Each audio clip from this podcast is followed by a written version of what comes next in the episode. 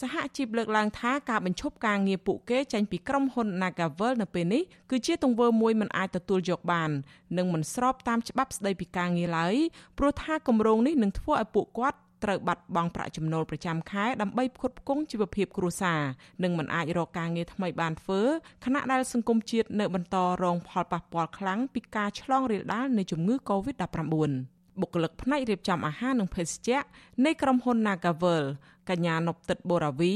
ដែលទើបទទួលបានដំណឹងកាត់ឈ្មោះចេញពីការងារថ្លែងថាភាគីក្រុមហ៊ុននៅតែចិញ្ចឹមចិត្តបញ្ឈប់បុគ្គលិកពីការងារដោយមិនព្រមទូទាត់សំណងការងារពេញលេញតាមច្បាប់ឲ្យបុគ្គលិកនោះទេកញ្ញាបន្តថាប្រាក់ខែបុគ្គលិកពីមុនដែលធ្លាប់ទទួលបានចន្លោះពី500ដុល្លារទៅ600ដុល្លារដែលភាគីក្រុមហ៊ុនកាត់មកនៅ120ដុល្លារទៅ150ដុល្លារក្នុងមួយខែចាប់តាំងពីមានជំងឺ Covid-19 នៅដើមឆ្នាំ2020រហូតមកដល់ជិតពាក់កណ្ដាលឆ្នាំ2021នេះបុគ្គលិកដែលត្រូវបានក្រុមហ៊ុនព្យួរពីការងាររូបនេះស្នើសុំឲ្យថៅកែទុកបុគ្គលិកទាំងអស់ឲ្យនៅបន្តធ្វើការដដែលនិងផ្ដល់អត្ថប្រយោជន៍ការងារផ្សេងផ្សេងដល់បុគ្គលិកព្រោះថាអំឡុងពេលដ៏លំបាកនេះពួកគាត់មិនដឹងថាទៅរកការងារថ្មីនៅកន្លែងណានោះទេអឺគេតែបញ្ជូនដំណឹងខ្ញុំម្សិលមិញខ្ទង់ម៉ោង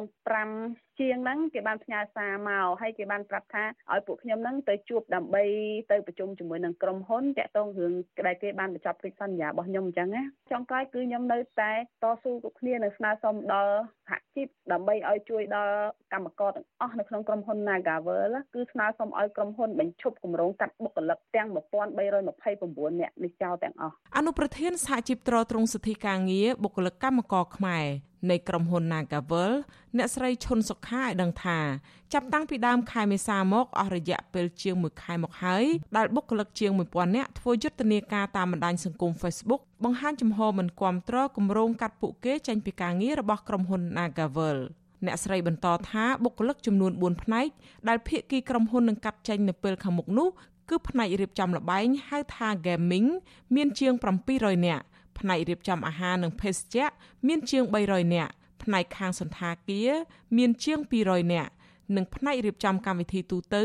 មានជាង50នាក់រួមទាំងតំណាងសហជីពជាស្ត្រីមានផ្ទៃពោះនិងទៅបសម្រាលកូនក៏ត្រូវបានក្រុមហ៊ុនជូនដំណឹងកាត់ឈ្មោះចេញពីការងារដែរអ្នកស្រីបន្ថែមថាខាងសហជីពព្យាយាមដាក់លិខិតស្នើសុំជួបចរចាជាមួយក្រុមហ៊ុនច្រើនលើកច្រើនសារមកហើយតែខាងក្រុមហ៊ុនមិនបានទទួលយកសំណើរបស់បុគ្គលិកទៅពិចារណាម្ដងណាឡើយ។ អ្នកស្រីបញ្ជាក់ថាខាងក្រុមហ៊ុនផ្ដល់លក្ខខណ្ឌចំនួន2ក្នុងនោះទី1ចំពោះអ្នកដែលស្ម័គ្រចិត្តលាឈប់ពីការងារនឹងទទួលបានប្រាក់បំណាច់ចំនួន5ចំណុចប៉ុន្តែចំពោះអ្នកដែលមិនស្ម័គ្រចិត្តដោយត្រូវក្រុមហ៊ុនបង្ខំកាត់ចេញនោះនឹងមិនទទួលបានប្រាក់បំណាច់ពេញដោយអ្នកស្ម័គ្រចិត្តនោះឡើយ។ តំណាងសហជីពរូបនេះចាត់ទុកគម្រោងកាត់បុគ្គលិកនិងដាក់សម្ពាធពួកគេឲ្យទទួលយកសំណងដែលមិនពេញលេញថាជាចេតនារើសអើងបុគ្គលិកនិងសហជីពនៅកន្លែងការងារនិងមិនគោរពតាមនីតិវិធីច្បាប់ស្តីពីការងារក្នុងឆ្នាំ2021បុគ្គលិកខ្លួនឯងបានថយជីវិតទៅធ្វើការ ឲ្យតែក្រុមហ៊ុន Naga នេះចំណេញរហូតដល់ទៅប្រាក់ចំណូលដែលគេរកបានចូលនោះគឺគប់ចិត្ត900លានដុល្លារហើយប្រាក់ចំណេញសុទ្ធរបស់គេនោះគឺ100លានដុល្លារជាងឃើញថាក្រុមហ៊ុនអត់មានខាតបង់ទេនៅក្នុងឆ្នាំ2020គ្រាន់តែ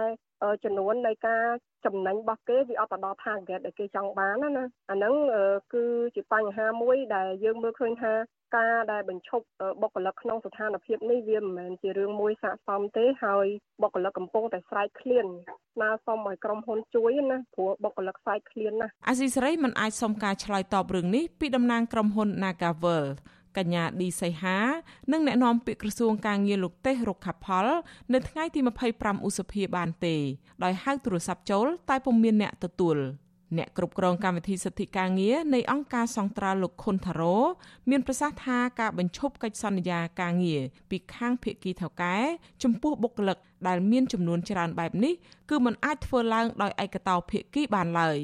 លោកយល់ថាវិវាទការងារនេះតម្រូវឲ្យមានការចុះបញ្ជីអធិការកិច្ចពីក្រសួងការងារដើម្បីស្វែងរកហេតុផលច្បាស់លាស់ថាតើការកាត់បុគ្គលិកនៅពេលនេះកើតចេញពីកង្វះហិរញ្ញវត្ថុរបស់ក្រុមហ៊ុន